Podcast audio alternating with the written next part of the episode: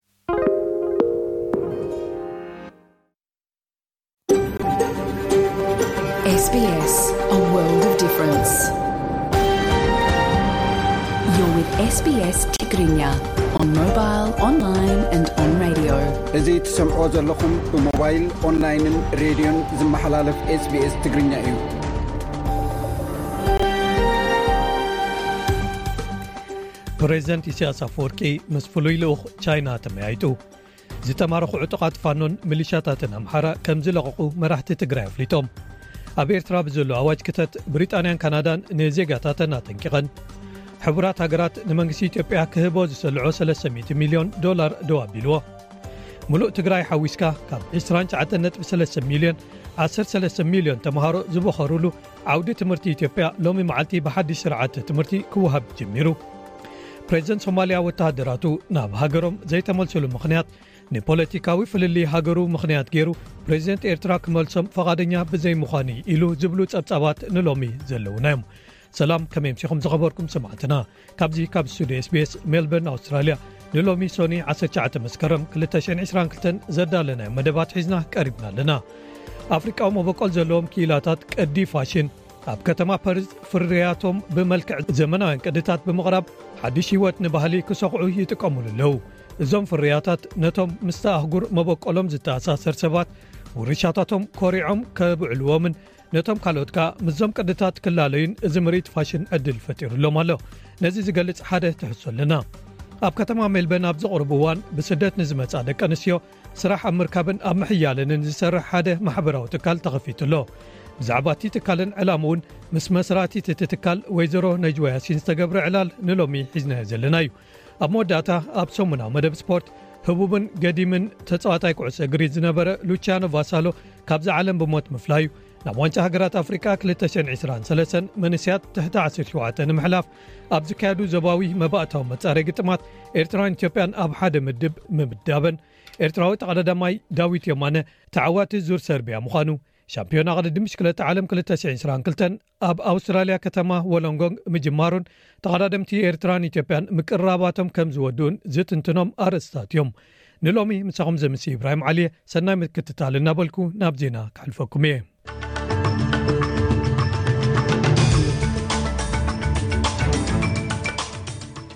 ቀንዲ ነጥብታት ዜና ቀዳማይ ሚኒስቴር ኣውስትራልያ ኣንቶኒ ኣልባነዚ ቀቅድሚ ስነ ስርዓት ቀብሪ ንግስቲ ኤሊዛቤት ዳግማይት ምስ መዘናታቱ ሰበ ስልጣን ብሪጣንያን ካናዳን ኣብ ለንደን ተራኺቡ ናይ መወዳእታ ምድለዋት ንስረ ስርዓት ቀብሪ ንግስቲ ኤሊዛቤት ዳግማይ ተኻይዶም ኣብ ሓደ ካብቶም ኣብዚ ቀረባ እዋን ዝተረኽቡ ጋህሲታት ኣብ ምብራቓዊ ዩክራይን ተወሰኽቲ ሬሳታት ተፋሒሮም ወፅኦም ህቡብ ስነ ጥበባዊ ኣብራር ዑስማን ተዓዋቲ ስልማት ብነጻ ሓሳብካ ምግላጽ ፔን ኤሪትራ ክልተሸን ዕስራን ክልተን ኮይኑ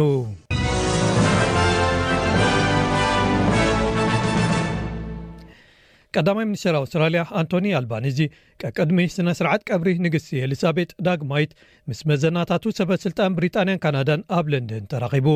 እዚ ዝመጽእ ዘሎ ሚስተር ኣልባኒዚ ብንጉስ ቻርለስ ሳልሳይ ዝተኣናገድ ኣብ ቤተ መንግስቲ ባኪንግሃም ፓላስ ንመራሕቲ ዓለም ኣብ ዝተኻየደሎም ናይ ምቐባል እንግዶት ድሕሪ ምርካቡ እዩ። ሚስተር ኣልባነዚ ኣትኩሮ ርክቡ ምስ ሓዳስ መራሒት ብሪጣንያ ሊዝ ትራስን ቀዳማይ ሚኒስተር ካናዳ ጃስቲን ትሩዶን ብቐዳምነት ወይ ብዓብዩ ኣብ ሕልፈት ንግስቲ ኤሊዛቤጥ እንተነበረ'ኳ ብዛዕባ ዝምድናታት እተን ሃገራት'ውን ከምዝተዘራረቡ ንኤቢሲ ሓቢሩ።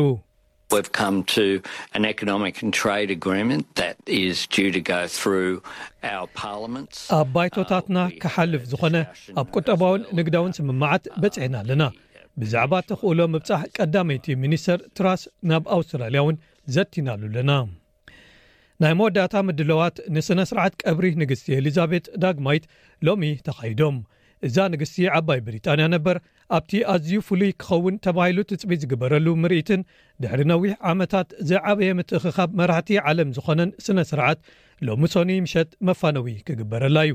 ሰባት ኣብ ዓባይ ብሪጣንያ ንዝኽሪታ ንግስቲ ናይ ሓደ ደቂቕ ናይ ሕልና ጸሎት ገይሮም ቅድሚ ስነ ስርዓት ቀብሪ ምክያዱ ነቲ ኣብ ኣዳራሽ ዌስት ሚኒስተር ተጋዲሙ ተቐሚጡ ዘሎ ሬሳ ንምርኣይ ዝካየድ ሪጋ ንሓደስቲ ክርእዩ ዝመጹ ሰባት ተዓጽዩ ኣሎ። ሓዘንተኛ ሌስሊ ብራውን ንከም ለንደን ዝኣመሰለት ዓባይ ከተማ'ውን እንተኾነ እዞም ንጥፈታት ካብ መጠን ንላዕሊ ዓበይቲ እዮም ትብል።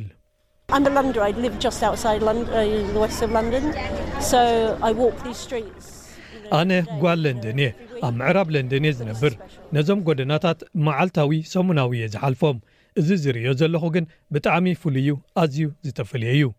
ሳንዱቕ ሬሳ ኤሊዛቤጥ ንስነ ስርዓት ቀብሪ ካብ ኣዳራሽ ዌስት ሚኒስተር ሆል ናብ ገዳም ዌስት ሚኒስተር ኣብዪ ብሸኸም ክገዓዓዝ እዩ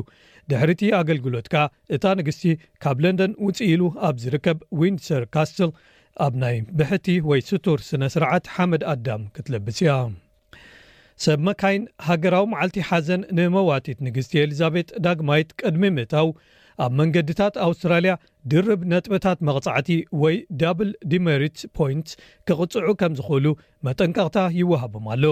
እዚ ድርብ መቕጻዕቲ ነጥቢ፣ Double Demerits፣ ካብ ዝመጽእ ሓሙስ መስከረም ዕስራን ሓደን ፍርቂ ለይቲ ክሳብ መስከረም ዕስራን ሓሙሸን ፍርቂ ለይቲ ኣብ ተግባር ክውዕል እዩ። እዚ ዝመጽእ ዘሎ ቀዳማይ ሚኒስተር ኣንቶንዮ ኣልባነዚ ንኽብሪ እታ ዝሓለፈት ንግስቲ መስከረም ዕስራን ሓደን ዝካየድ ናይ ዝኽሪ ኣገልግሎት ቀንዲ ዝርዝራት ንጥፈታት ኣብ ዝገለጸሉ እዋን እዩ።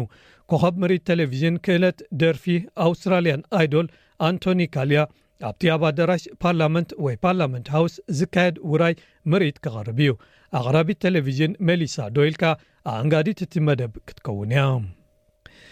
በዓል መዚ ድሕነት ባሕሪ ኣውስትራልያ ኣውስትራልያን ማሪታይም ሴፍቲ ኦርቶሪቲ ብውሕዱ ሓደ ሰብ ፅዒና ዝነበረት መዘናግዒት ነፋሪት ኣብ ምድላይ ይርከብ እዛ ፎካስ ነፋሪት መወዳእታ ዝተራእየትሉ ሰንበት ድሕሪ ቐትሪ ኣብ ሰሜናዊ ምብራቕ ግዝኣት ቪክቶርያ ነይሩ።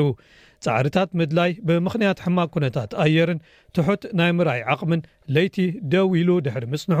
እቲ በዓል መዚ ድሕነት ኣብ መንጎ ማውንት ቢቲ፣ ኮርዮንግን ታላንጋታ ቫሊን ነቲ ብኣየር ናይ ምድላይ መስርሕ የወሃህድዎ ከም ዘለዉ ገሊጾም ኣለዉ።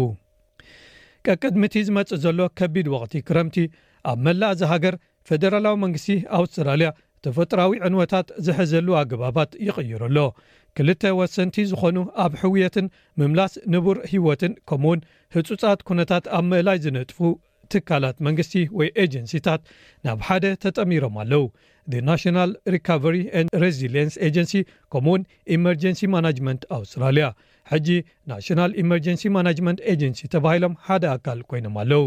እቲ ኣብዚ እዋን ሓላፊ ዳግመ ህንፀት ግዝኣት ኲንስላንድ ዘሎ ብሬንዳር ሙን ከኣ ብመሪሕነት ከካይዶ እዩ። ሚኒስተር ሓደጋታትን ምእላይ ህፁፅ ኩነታትን ሞሪ ዋት እዚኦም ቢሮክራስያዊ ለውጥታት ዝቐልጠፉ ግብረ መልስታት ንህፁፃት ኩነታት ክህልዉና ክገብሩ እዮም ክብል ንኤቢሲ ሓቢሩ።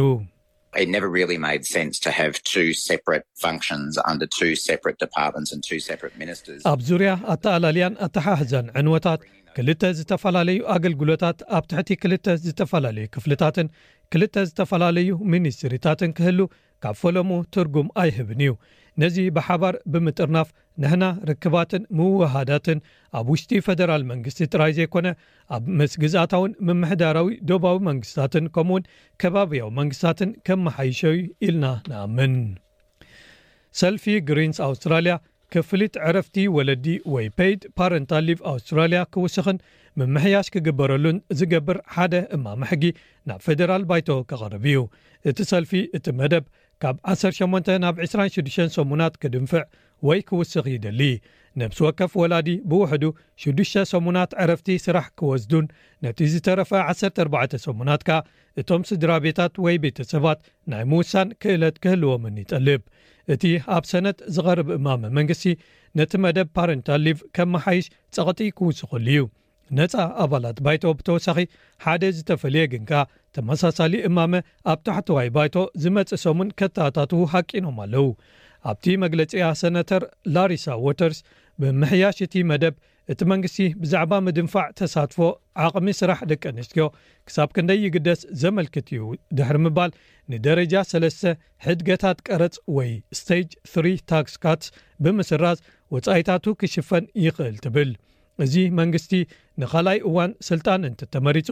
ነቲ መደብ ከስፍሖየ ኢሉ ኣሎ ምኽንያቱ ኣብዚ ሕጂ እዋን ንሓደ ትሪልዮን ዶላር ዝኸውን ዕዳ ወሲኽካ ዘሎ ሕፅረታት ባጀት ኣብ ምምዕርራይ ይርከብ ኣገልግሎታት ህፁፅ ኩነታት ግዝኣት ወይ ስቴት ኢመርጀንሲ ሰርቪስስ ኤስስ ነበርቲ ኣብ ግዝኣት ኒው ሳውት ዌልስ ትርከብ ንእሽቶ ከተማ ጉነዳ ኣብዚ ሰሙን ንዝኽሰት ተወሳኺ ምዕልቕላቕ ከዳለዉ የጠንቅቑ ኣለዉ። ኤስኢኤስ ኣብዚ ከባቢ ዘጋጠመ ዕንወት ምድህሳስ ኣብ ዝቐጸለሉ ብውሕዱ ኣርባዕተ ኣባይቲ ብማይ ኣጥለቕሊቖም። ሩባ ናኦሚ ወይ The Naomi River ሰንበት ንግሆ ኣብ ዝለዓለ ዓቐኑ ማለት ሸሞንተ ነጥቢ ስሳን ሓደን ሜትሮ በጺሑ። ሰንበት ኣማስይኡ እውን ልዕሊ መጠን እቶም ዓበይቲ ምዕልቕላቓት ዝበሃሉ ኰይኑ ጸኒሑ። ደይቪድ ራንኪን ካብ ኤስኤስ፣ ኣብ ዝመጽኡ መዓልታት ተወሳኺ ዝናብ ክህሉ ትጽቢት ይግበር ኢሉ።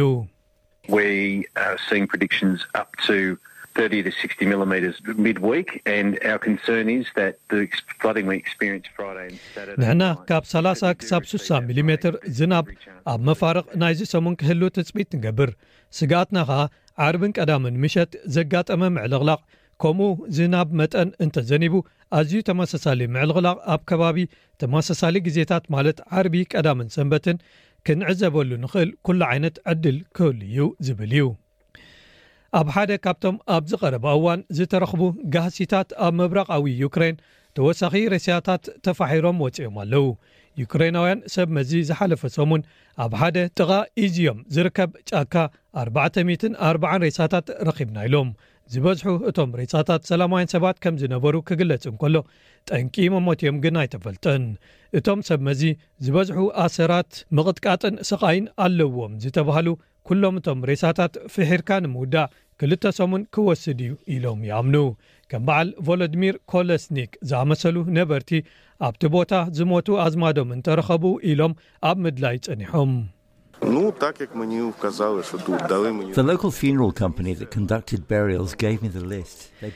ነቲ ስነ-ስርዓት ቀብሪ ዝፈጸመቶ ናይቲ ከባቢ ትካል እቲ ዝርዝር ኣስማት ሂባትኒ። ነቶም ሬሳታት ኣብ ጎማታት ጠቕሊሎም ቀቢሮሞም ብዘይ ሳንዱቕ ሬሳ ካልእ ወላ ሓንቲ ዘይብሎም ካብ ፈለምኡ ኣብዚ ኣይተፈቐደለይን ነይሩ እቶም ሩስያውያን እዚ ከባቢ ፈንጂ ኣለዎ ኢሎም ክንጽበ ሓቲቶሙና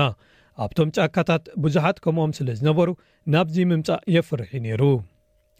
ቤተ መንግስቲ ክረምሊን ኣብ ተረኽቦ እዞም ጋህሲታት ርእይቶ ዝበሃል ኣይሃበን።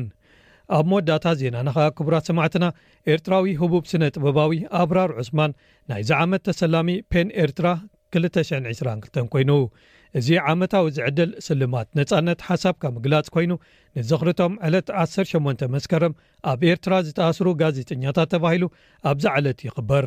ኣብራር ብስነ ጥበባዊ ኣበርክትኡን ኣብ ዝተፈላለየ ማሕበራዊ ንጥፈታት ዘለዎ ተሳታፍነትን ነዚ ስልማት ኣብቂዕዎ ክብል ፔን ኤርትራ ኣብ ዘውጽኦ መግለጺ ኣስፊሩ።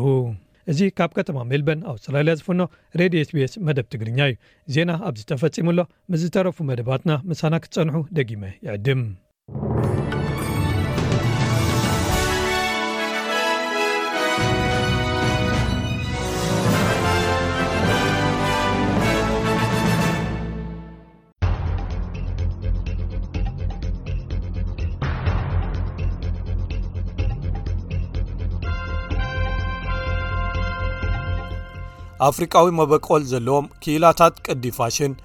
ኣብ ከተማ ፐርዝ ፍርያቶም ብመልክዕ ዘመናውያን ቅድታት ንባህሊ ሓድሽ ህይወት ክሰኹዑ ብምባል ይጥቀምሉ ኣለዉ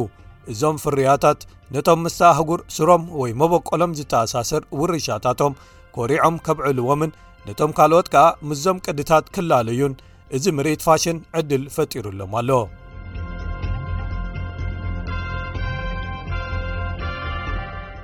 ክኢላታት ቅድታት ፋሽን መበቆሎም ኣፍሪቃውያን ዝኾኑ ፍርያቶም ኣብ ሓደ ውርሻኦምን መንነቶምን ዘብዕሉሉ ምርኢት ኣቕሪቦም ኣለዉ እቲ ኣፍሪቃዊ ምርኢት ፋሽን ወይ ዚ ኣፍሪካን ፋሽን ሾው ኣብ ከተማ ፐርዝ ብመንገዲ ንዓይኒ ሰሓቢ ዝኾኑ ዘንፀባርቑ ሕብርታትን ዝተረቐቑ ቅድታትን ባህልታቶም ዘኽብሩሎም ሓደስቲ ቅድታት ዘርኣዩሉ ነይሩ ኣካያዲት እቲ ምርኢት ሳፉራቱ ባካረ ፋሽን ሓደ ሓያል ኣድማሳዊ ቋንቋ እዩ ትብል ኣፍሪቃዊ ሕብሪ ድሙቕ እዩ ምልኩዕ እዩ ፍሉይ እዩ ኣብ ዝኾነ እዋን ክትለብስዎ ትኽእሉ እዩ ስለዚ ንሕና ብመንገዲ እዞም ከነርእዮም ንፍትን ዘለና ሕብርታትን ብመንገዲ እዞም ቅድታትን ኣፍሪቃዊ ዛንታ ኢና ነዘንቱ ወይ ንነግር ዘለና። እቲ ምሸት ፋሽን ኣብ ከተማ ፐርዝ ዝሓለፈ ቀዳም 17 መስከረም እዩ ተኻይዱ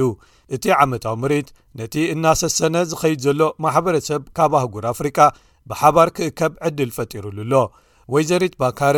እዚ ምርኢት ብዛዕባ ንሓደስቲ ወለዶታት ክርእይዎ ብምግባር ባህሊ ንኸይርሳዕ ንምርግጋፅ ዝግበር እዩ ትብል።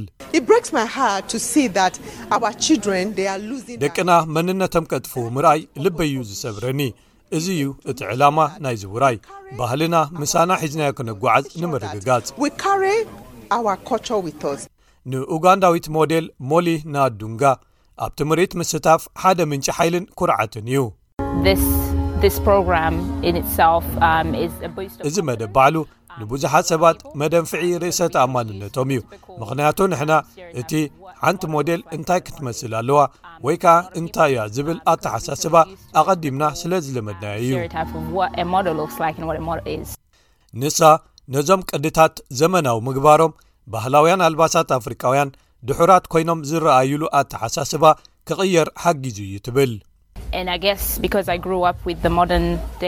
ምስ ዘመናዊ ዓይነት ኣልባሳትን ቅድታትን ስለ ዝዓበኹዮ ይመስለኒ ካብ ኩሉ ሚዛን ዘለውዎ ምዃኑ ንዓይ መን ምዃነይ ዝገልጸንን መንነተይ ዘካትትን እዩ። ናይጀርያዊት ራዮ ኣደባዮ ኣብቲ ምርኢት ቅዲ ተውጽእያ። ንሳ ኣብ ስራሓታ ኣፍሪቃዊን ኣውስትራልያዊን ዓለባታት ይሐውስ እየ ትብል እዚ ኩሉ ትሰርሖኻ ጎኒ ጎኒ ናይቲ ሙሉእ ስራሓ ዝኾነ ሓኪም ወይ ዶክተር እዩ ኣብ ኣፍሪቃ ሓደ ምልኩዕ ወይ ቁንጂው ዝኾነ ነገር ከም ዘሎ ንዓለም ምፍላጣ ጽቡቕ እዩ ብፍላይ ከኣ ነዚ ምስ ኣውስትራልያዊ ባህሊ ኣወሃሂትካ ማለት እዩ እቶም ኣብቲ ምርኢት ዝቐረቡ ፍርያታትን ቅድታትን ኣብኡ ብዝተሳተፉ ኣባላት ማሕበረሰብ ፅቡቕ ተቐባልነት ረኺቦም ኣለው። እዚ ብዛዕባ ኣፍሪቃዊ ባህሊ እንታይ እዩ ዝብል እዩ ፅባቐ እንታይ እዩ ብዛዕባ መፀበቒ ቅብኣታት እውን ኣይኮነን ብዛዕባ ንስኻ መን ኢኻ እዩ ስለዚ እዚ ብሓቂ ንዓኹም ኣብቲ ማሕበረሰብኩም ወፂኹም ወይ ኣብ ዝኾነ ቦታ ሃሊኹም ነብስኹም ትገልፅሉ ትብዓት ወይ ድፍረት ንኽህበኩም እዩ። ንዅሉ ሰብ ኣብ ሓደ ንምጥርናፍ እዩ ንዓና ንኣፍሪካውያን እውን ኣብ ውሽጢና ዘሎ ጽባቐ ከርእየና እውን እዩ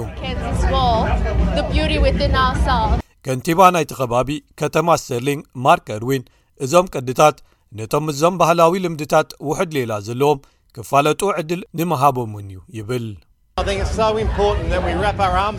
ኣነ ንሕና ኣእዳውና ዘርጊሕና ክንሓቕፎምን ኣፍሪቃዊ ምዃን እንታይ ምዃኑ ከብዕልዎን ክሕጐስሉን ክኽእሉ መታን ኣዝዩ ኣገዳሲ ይመስለኒ ንሕና እውን ካብዚ መታን ክንምሃር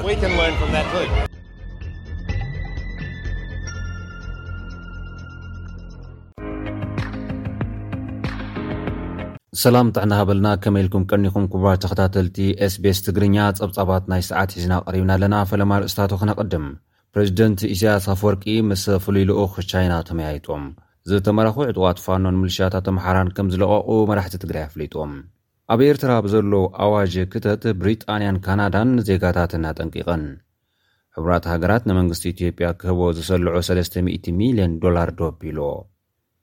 ምሉእ ትግራይ ሓዊስካ ዓሰርተ ሰለስተ ሚልዮን ተምሃሮ ዝበኸርሉ ዓውዲ ትምህርቲ ኢትዮጵያ ሎማዓንቲ ብሓዱሽ ስርዓተ ትምህርቲ ክወሃብ ጀሚሩ። ኣርእስታት ጸብጻብ ክትከታተሉ ጸኒሕኩም ክቡራት ሰማዕቲ ናብ ዝርዝራቶም ክንሓልፍ። ፕረዚደንት ኢሳያስ ኣፈወርቂ ንፍሉይ ልኡኽ ቻይና ኣብ ቀርኒ ኣፍሪካ ተቐቢሎም ኣዘራሪቦም። ፕረዚደንት ኢሳያስ ኣፈወርቅን ፍሉይ ልኡኽ ቻይና ኣብ ቀርኒ ኣፍሪካ ኣምባሳደር ዞ ቢንግን ኣብ ህሉው ክልተኣውን ዞባውን ጉዳያት ሰፊሕ ዘተ ከምዘካየዱ ሚኒስትሪ ዜና ሓቢሩ'ሎ። ፕረዚደንት ኢሳያስ ንዑደት ኣምባሳደር ዞ ቢንግ ኣመልኪቶም ኣብ መንጎ ኤርትራን ቻይናን ዘሎ ስትራተጂካዊ ምሕዝነት ዝያዳ ዘደልድል ምዃኑ ከምዘብርህሉ ክልቲኦም ወገናት ኣብ ቀዳምነት ዝወሃቦም ዞባዊ ርግኣትን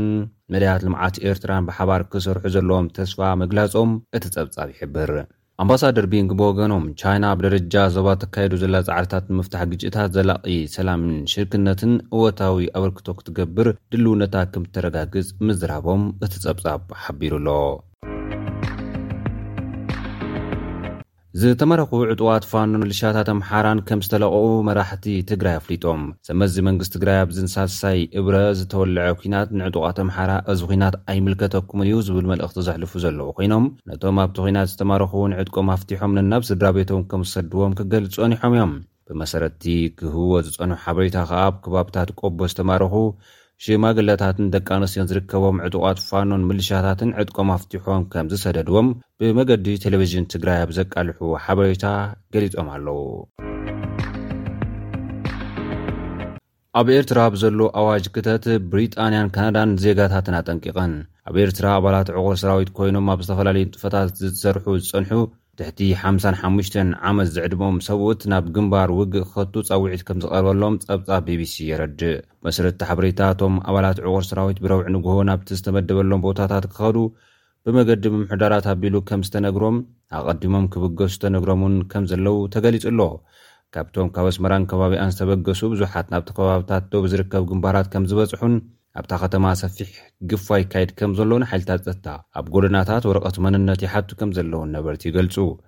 እቲ ኩነታት ኣብ ስድራቤታት ዓቢ ሻቕሎት ስግኣት ፈጢሩ ከም ዘሎን ብዙሓት ኣዴታት ኣብ ምፍናው ናይቶም ዝኸተቱ ወተሃደራት ክበኽያ ከም ዝተርኣያን እቲ ጸብጻብ ኣረዲኡ ኣሎ። እዚ ጻውዒት ነቶም ኣባላት ዕቑር ሰራዊት ኮይኖም ኣብ ውልቃዊ ዋኒኖም ዝጸንሑ ዝምልከት ኮይኑ፣ ነቶም ኣብ መንግስታዊ ስራሕ ዝተዋፈሩ ኣባላት ግን ከም ዘየጠቓልል'ዩ ተገሊጹ ዘሎ። ኣባል ዕቑር ህዝባዊ ሰራዊት ኣብ ኤርትራ፣ ንኹሎም ካብ ምድብ ሰራዊት በብእዋኑ ዝተፈነዉ ተጋደልትን ኣባላት ሃገራዊ ኣገልግሎት ዝነበሩን፣ ኣብ ውልቃውን ስቪላውን መንግስታውን ስራሕ ዝተዋፈሩ ክሳብ ሰብዓ ዓመት ዝዕድመኦም ዜጋታት ከም ዝኾኑ እዩ ዝንገር። ኤርትራ ነዚ ኣዋጅ ክተዘጸወዐት ንመንግስቲ ኢትዮጵያ ንምርዳእ ካብ ዘለዋ ተሳትፎ ምዃኑ መንግስታት ሓሳባቶም የንጸባርቑ ከም ዘለዉ ከኣ ኤኤፍፒ ጸብጺቡ'ሎ። ኣብ ኤርትራ ንዘሎ ኣዋጅ ክተት ስዒቡ ብሪጣንያን ካናዳን ዜጋታትን ክጥንቀቑ መጠንቀቕታ ኣሕሊፈን ኣለዋ። መንግስቲ ካናዳ ኣብ ሰሜን ኢትዮጵያ ዘሎ ኲናት ስዒቡ መንግስቲ ኤርትራ ናይ ክተት ኣዋጅ ጸዊዑ ኣሎ ብምባል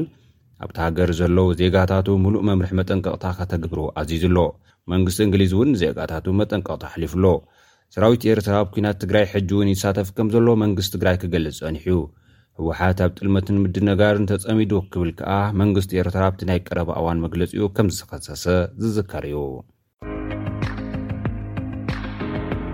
ውድብ ሕብራት ሃገራት ንመንግስቲ ኢትዮጵያ ክህቦ ዝሰልዖ 300 ሚልዮን ዶላር ደው ኣቢልዎ ሕብራት ሃገራት ዳግመ ህንፀት ትግራይ ብዝብል ንመንግስቲ ኢትዮጵያ ክህቦ ዘዳለዎ ገንዘብ እዩ ደው ኣቢልዎ ዘሎ እቲ ገንዘብ ብፕሮጀክት ልምዓታዊ ኣገልግሎት ውድብ ሕብራት ሃገራት ዩኤንዲፕ ዝተሰልዐ ኮይኑ መንግስቲ ኢትዮጵያ ውክልና ወሲዱ ንትግራይ ከልምዕ ብዝሓለፈ ሓምለ ስምምዕ ከቲምሉ ዝነበረ እዩ። ኣብቲ እዋን መንግስቲ ትግራይ ኣብቲ ንመንግስቲ ኢትዮጵያ ክወሃብ ዝተሰለዐ ገንዘብ ናይ ተቓውሞ መግለፂ ኣውፂኡ ምንባሩ ዝዝከር እዩ።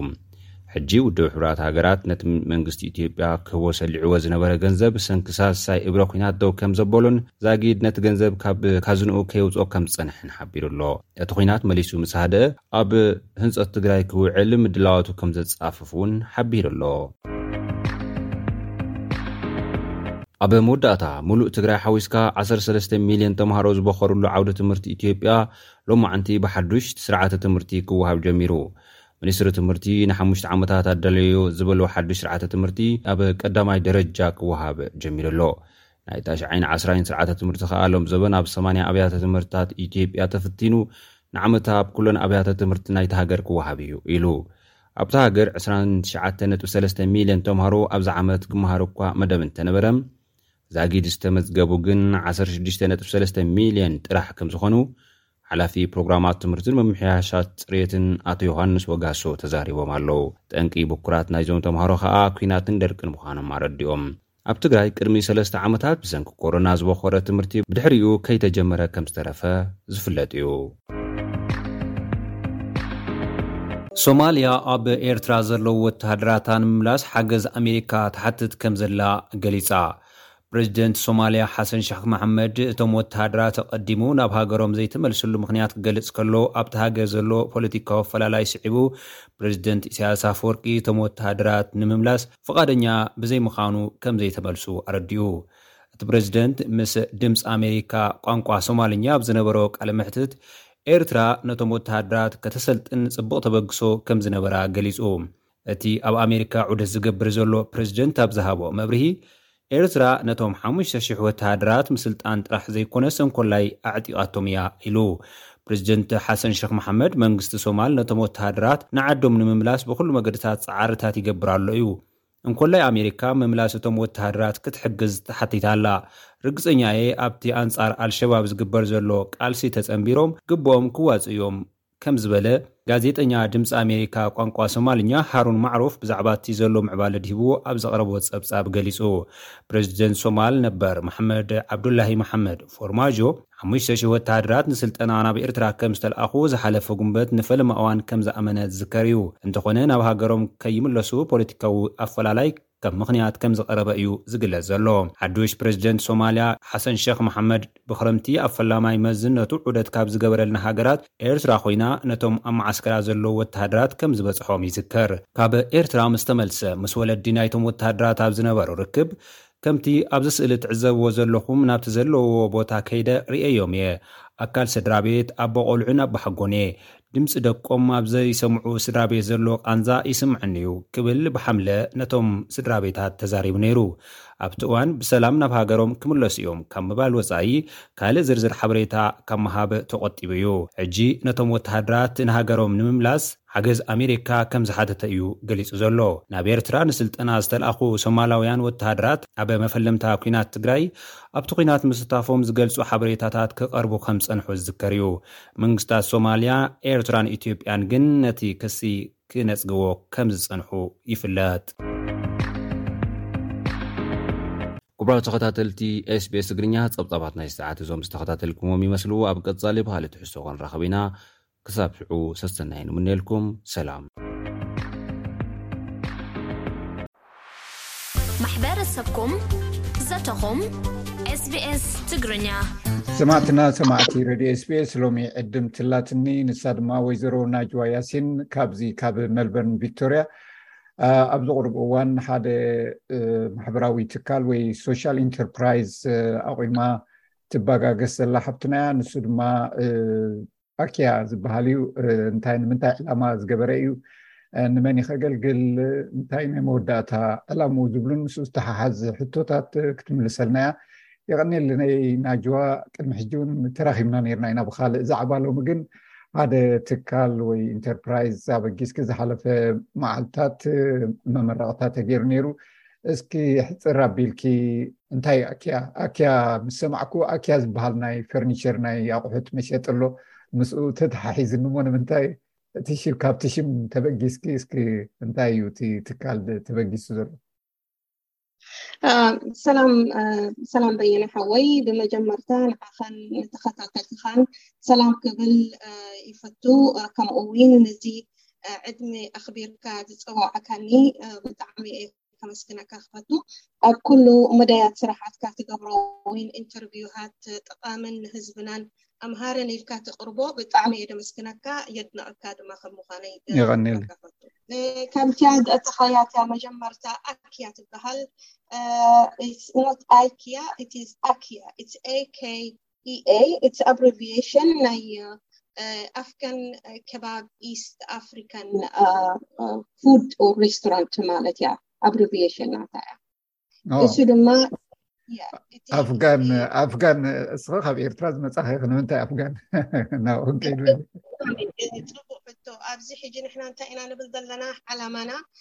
ኢንተግሬሽን ክንገብር እንከለና ኣብ ሓደ ዓዲ መፂእና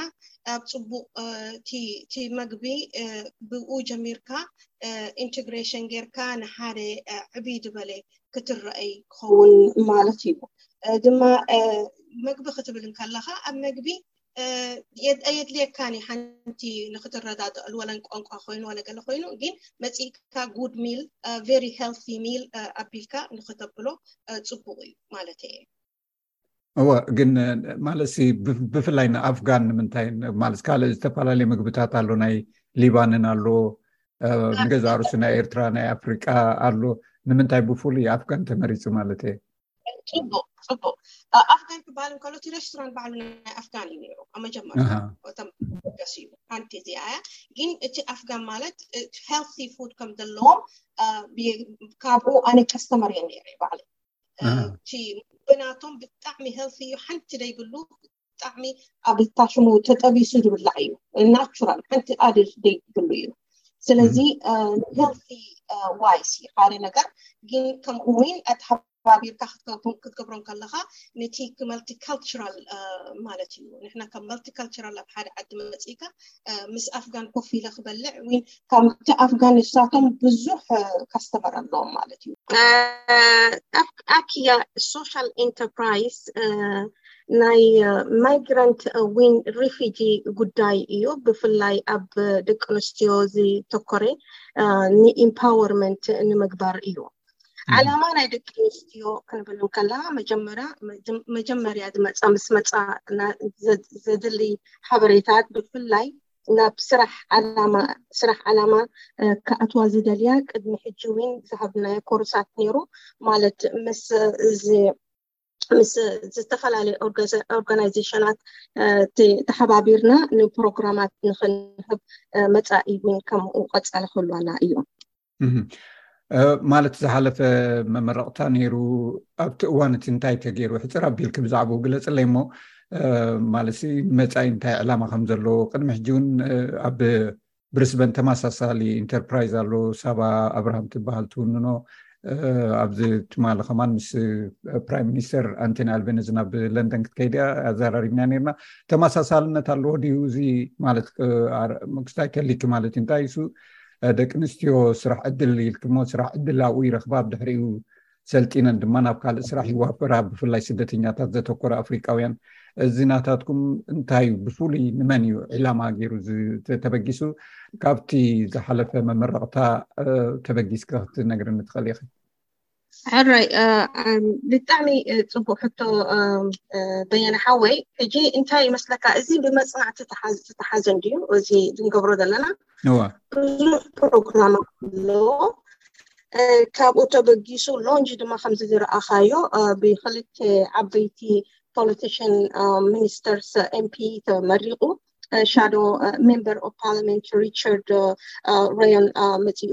ሎንች ገይሩ ካልኣይ ድማ እሱ ናይ ሻዶ ሚኒስተር ፎር ሎካል ገቨርንመንት ሻዶ ሚኒስተር ፎር ሃውሲንግ ን ሻዶ ሚኒስተር ፎር ሪሶርስ እዩ ካልኣይ ኤምፒ ራያን ስሚስ ሻዶ ሚኒስተር ፎር ፋይናንስ ሻዶ ሚኒስተር ፎር ፕላኒንግ ን ሄሪቴጅ ን ሻዶ ሚኒስተር ፎር ሪካቨሪ ሕጂ ነዚ ነዚ ሎንጅ ክትገብር ብጣዕሚ ብጣዕሚ እታ ሽሙ ብሓሳብ ዝቐረበ ብመፅናዕቲ ተቐረበ እዩ ትኾይኑ ተፈሊጡ ማለት እዩ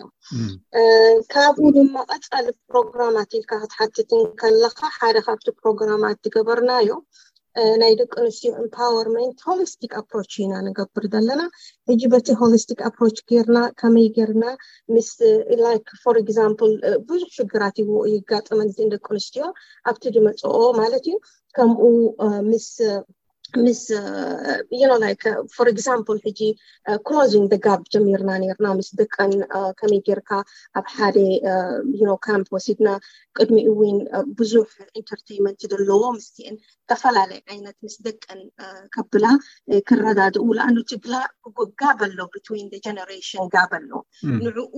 ድኮኮረ ብጣዕሚ ንሰለስተ ኣርባዕተ መዓልቲ ዝኸውን ካምፕ ገርና ወሲድና ከምኡታት ዘመሰለ ዓይነት ፕሮግራማት ብዙሕ ኣለና እንሻላ ንዚ ፕሮግራማት ብመፃኢ ክኸውን እንከሎ ንሓስበሉ ህዝብና ዝምልከት ክንዘራረበሉ ኣብቲ ዝመፀሉ ግዜታት ማለት እዩ ቀፃሊ ዊን ብሓባር ዊን ምስ ካልኦት ኩሎም ኣብ ተሳተፎ ምዃን እዚ ዝነበረ ዓላማ ባሕቲ መስከረም ባሕቲ መስከረም ንኤርትራውያን ዘሎ ፍሉይነት ማለት ፍሉይ መዓልቲ ምዃኑ ክኸውን እዩ ስለዚ ምስቲ ንገብሮ ናይ መዓልቲ ዝኽሪን ናይ ባህላዊ ምሸት ምግባር ዝነበረ ሓሳብ እዩ ነይሩ ማለት ኣብኡ ንክነቱ ሕራይ ማለት ከምቲ ትብልዮ ዘለኺ ባህላዊ ማለት ታሪካዊ ነገራት እውን ዘካተተ እዩ ማለት እዩ ዓመታዊ እንድሕር ከምኡ ትገብሮ ኮንኩም ኣብ ባሕቲ መስከረም ንዝኽሪ ምጅማር ብረታዊ ቃልሲ ናይ ህዝቢ ኤርትራ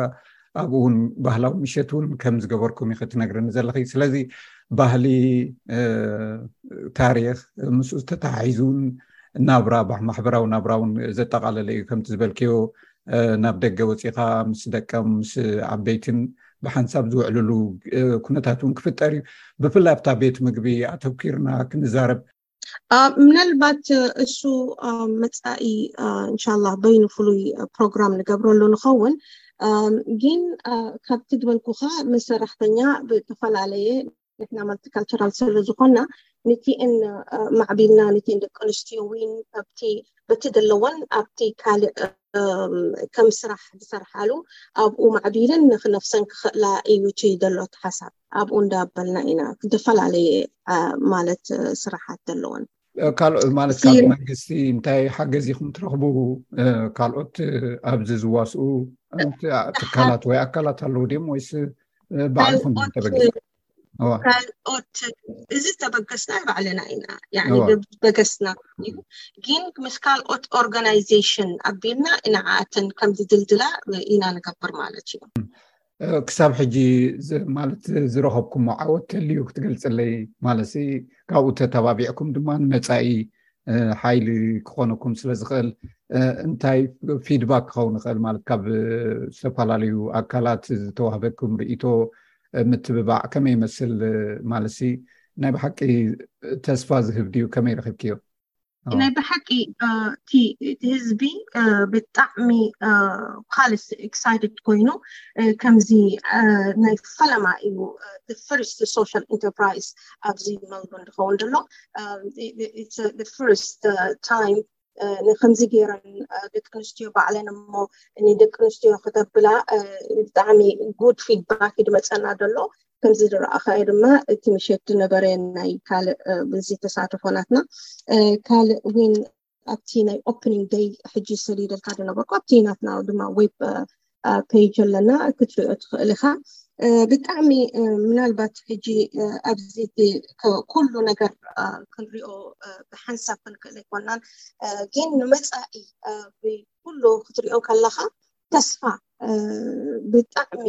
ኩሉ ግዜ ተስፋ ሂብክና ተስፋ ቢልክና ኢሎም ብጣዕሚ ኩሎም ኣሕዋት ይድውሉ ይመፁ ኣብቲ ቦታ ከም ሓደ ሰንተር ኮይኑ ክኸውን ኢና ንገብር ዘለና እንሻላ ከምቲ ንደልዮ ግን እንሻላ በዚ መፃኢ ኣብዚ ቁርብ መፃኢ እንታይ ኢና ክንርኢ ናይ መወዳእታ ሕቶይ ማለት ፅቡቅ ተበግሶ እዩ ብፍላይ ኣብ ደቂ ኣንስትዮ ዓሊምካ ምስራሕ ከምቲ ዝበልክዮ ብዙሕ ፀገማት ስለዘሎ ዕንቅፋታት ስለዘሎ እዘን ደቂ ኣንስትዮ ርእሰን ክኢለን ኣብዚ ናይ ኣውስትራልያ ሂወት እውን ክዋሳኣ ኣብ ምግባር ዓብ ሓገዝ ክኸውን ይኽእል ዝብል እምነት ኣለኒ እሞ ኣብ ሓፂር መደብኩም እንታይ ኣብዚ ቁሩብ ወይ ኣብዚ ዓመት ወይ ክልተ ዓመት ሰለስተ ዓመት እንታይ ኣቺቭ ክትገብሩ ኢኹም ዓሊምኩም ትሰርሑ ዘለኹም ወላይ ሕጂ እኳ ኣብ መጀመርታ እዚ ባዕሉ እቲ ተስፋ ክንብለካ ከለና እተን ደቂ ኣንስትዮ ማለት ንሕና እቲ ኣኪያ ብሎ ብሊቭ ድገብረሉ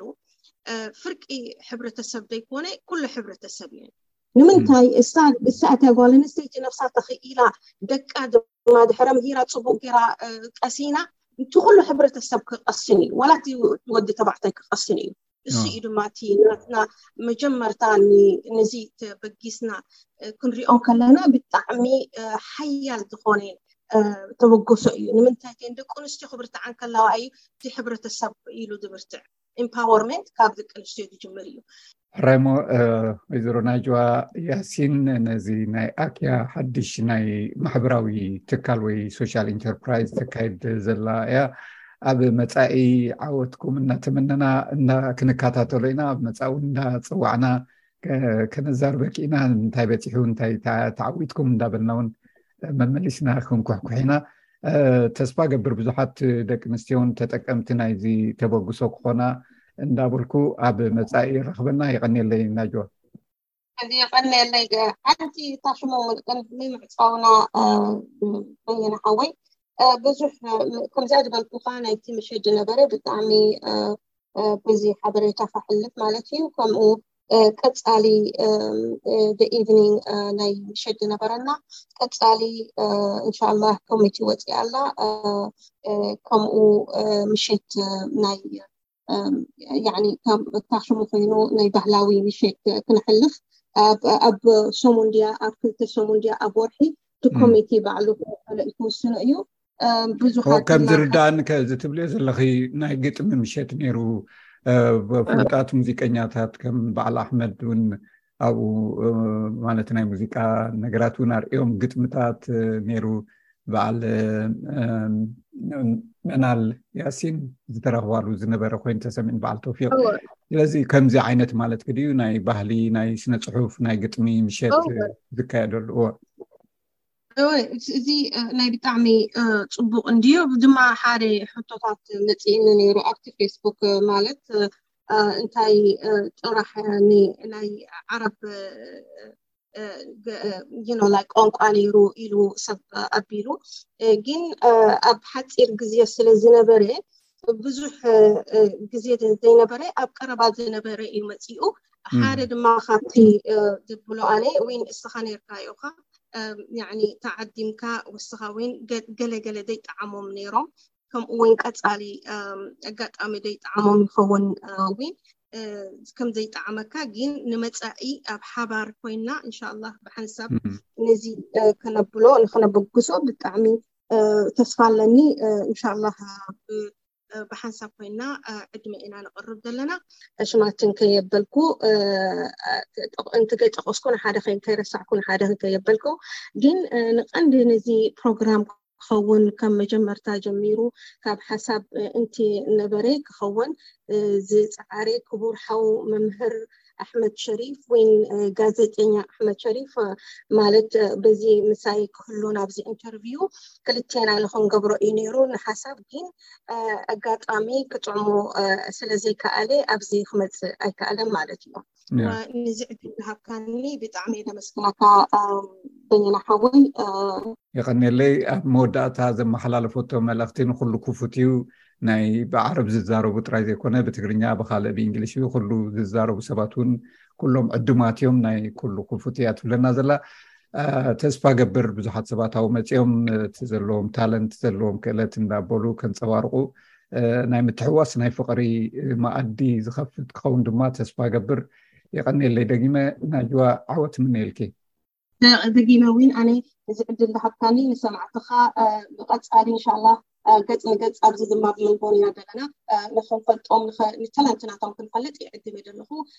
ይቀንየለይ ስጋብ ኣብ ካልእ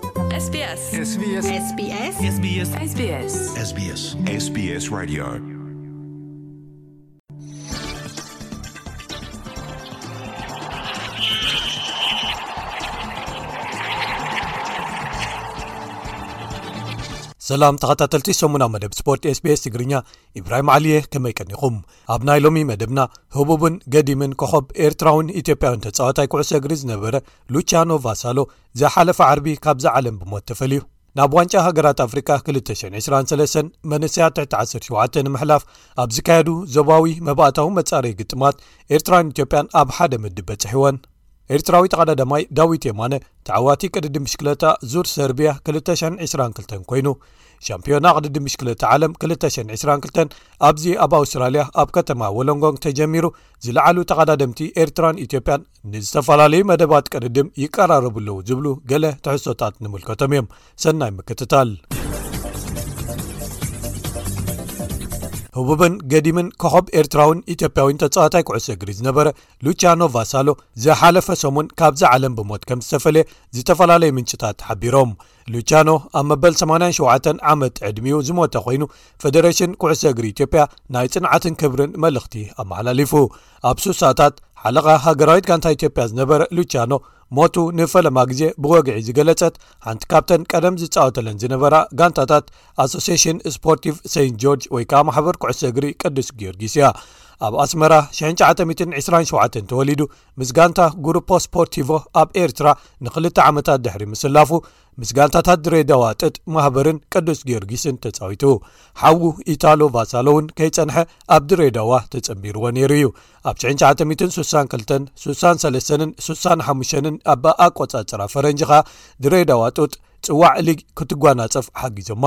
ሉቻኖ ምስ ሃገራዊት ጋንታ ኢትዮጵያ ፍሉይ ታሪኽ እዩ ዘለዎ ዝበዝሐ ግዜ ንሃገራዊት ጋንታ ተሰሊፉ ዝተጻወተ ብምዃን ሓደ 4 ግዜ ተሰሊፉ 47 ሽቶታት ኣመዝጊቡ ኣብ ታሪክ ኢትዮጵያ ከኣ እቲ ካብ ኩሉ ግዜ ዝበለጸ ተጻዋታይ ተባሂሉ ይቝጽር ሓደ ካብቶም ዝለዓሉ ሃንደስቲ እንኮ ዓወት ኢትዮጵያ ኣብ ዋንጫ ሃገራት ኣፍሪካ 962 ኮይኑ ቀዳመይቲ ሽቶ ኣብቲ ውራይ ዘመዝገበን ኣብ ግጥም ፍርቂ ፍጻሜ ኣንጻር ቱኒዝያ ከኣ ክልተ ሽቶታት ዘመዝገበን እዩ ኣብ ምዝዛም እቲ ውራይካ ሓለቓ ጋንታ ጥራይ ዘይኮነ ኣብ ታሪኽ ኢትዮጵያ ክሳብ ሕጂ ፍሉይ ዝኾነ ብሉፅ ተፃዋታይ ናይቲ ውራይ ተባሂሉ ተሰሊሙ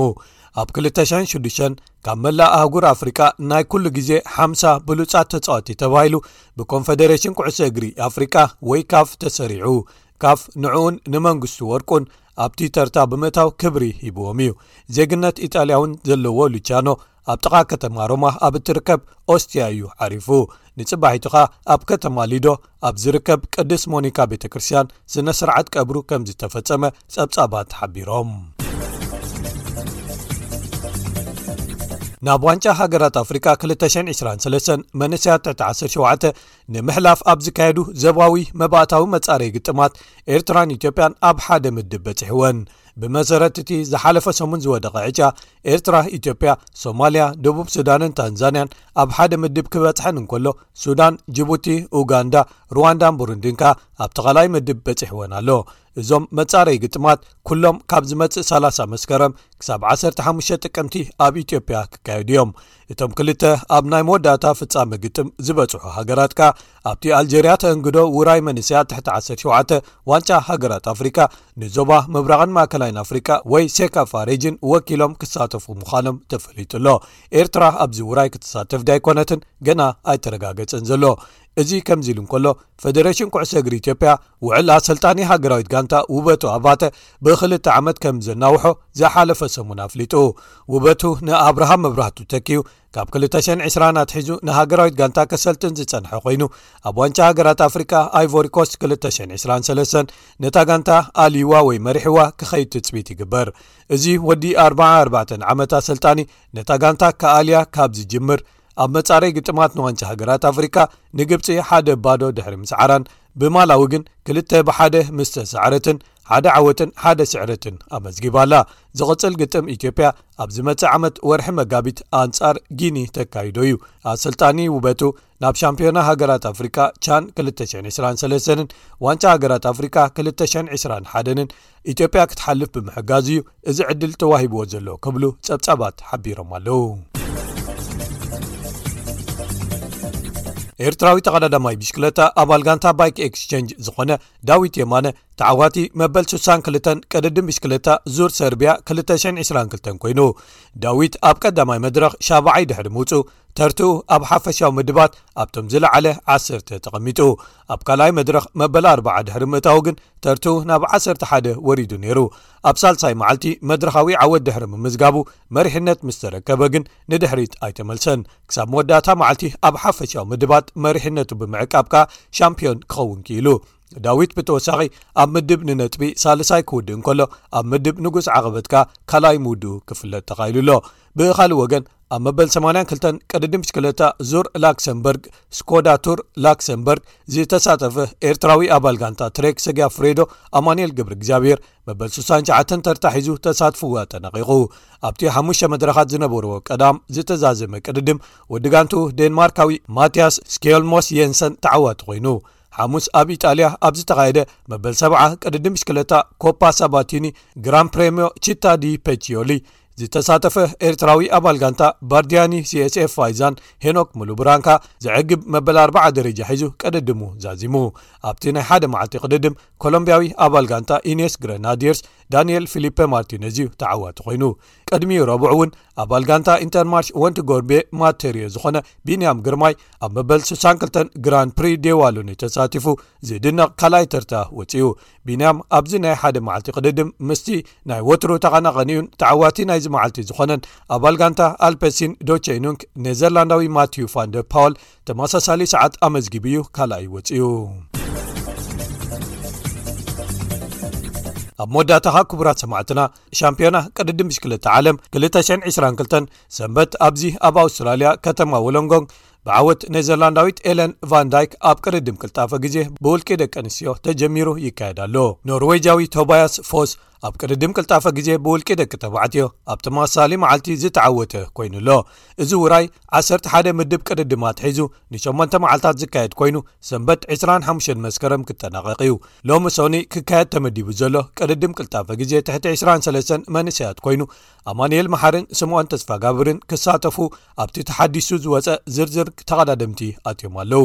ኣብ ትሕቲ 23 መንእሰያት ኣማንኤል መሓሪ ሳምሶን ሃብተ ሚልክያስ ቅዱስ ሳምሶን በርሀን ስምኦን ተስፋጋብርን ኣብ ጁኒየር መንእሰያት ከኣ ኣኽሊሉ ኣረፋይነ ዩኤል ሃብተኣብን ዮናስ ሰኬን ክሳተፉ ምዃኖም ምንጭታት ኤርትራ ኣመልኪቶም ነይሮም እዮም በቲ ክሳብ ሕጂ ወፂኢ ዘሎ መደብ መሰረት ግን ኢትዮጵያን ፍዋኣድ ሑሴንን ደንጋጋ ጆኖን ተሳተፍቲ ከም ዝኾኑ ተፈሊጡ ኣሎ ኣብ ቅድድም ምቅብባል ሕውስዋስ ፀወታታት ጋንታ ማሕበር ቅድድም ብሽክለቲ ዓለም ተቐዳድምቲ ኣልጀርያ ሩዋንዳ ኤርትራን ኢትዮጵያን ብሓባር ሒዛ ክትቀርብ ምዃና ኣብ ዝርዝር ተሳተፍቲ መርበብ ሓበሬታ ፕሮሳይክሊን ዶ ኮም ሰፊሩ ኣሎ እቶም ተቐዳድምቲ ከኣ ሩዋንዳውያን ረነስ ብይዛ ኡሂርወን ዳያን ኢንጋቢረን ኣልጀርያውያን ሓምዛ ኣማርን ነስሪን ሑሊን ኤርትራውያን ዳናይት ፍጹምን ሄኖክ ምሉብራንን ከምኡ ውን ኢትዮጵያውያን ሰላም ኣምሃ ኪያ ሮጎራን ነጋሲ ሃይሉ ኣብርሃን እዮም ኣብ ቅድድም መንገዲ ጁንየር ደቂ ኣንስትዮ ኢትዮጵያዊት ጽገ ይገዙ ክትሳተፍ እያ ኣብቲ ቀዳም ክካየድ መደብ ተታሒዝሉ ዘሎ ቅድድም መንገዲ ኤሊት ደቂ ኣንስትዮ ኤርትራዊት ደሴት ኪዳንን ኢትዮጵያውያን ሰላም ኣብ መሃን መኮንን ዕንቋይን ክሳተፋ እየን ኤርትራ ብመንገዲ ሓያላት ተቐዳደምታ ቢንያም ግርማይ መርሃዊ ቅዱስ ናትናኤል ተስፋጼን ኣማንኤል ግብሪ እግዚኣብሔር ሄኖክ ሙሉ ብራንን መትከል እዮብን ትሳተፎ ኤሊት ቀድድም መንገዲ ብዙሕ ትፅቢት ተገይሩሉ ዘሎ እዩ 80 ኪሎ ሜትር ብሸነኽ ደቡብ ካብ ከተማ ሲድኒ ርሒቓ ትርከብ ከተማ ወለንጎግ ድሮ ውሒዞም ዘለዉ ኤርትራውያንን ኢትዮጵያውያንን ደገፍትን ፈተውትን ስፖርት ወሲኽካ ካብ ዝተፈላለዩ ክፋላት ዓለም ዝመፁ ሰባት ተእንግድን ከተእንግድ ትሻባሸብ ከም ዘላን ተፈሊጡ ኣሎ ክቡራት ሰማዕትና ንሎሚ ዘዳለናዮ ሰሙና መደብ ስፖርት ስቤስ ትግርኛ ኣብዚ ተፈጺሙ ኣሎ ሶኒ ካልኦት ትሕሶታት ሒዝና ክሳብ ንምለሰኩም ሰላም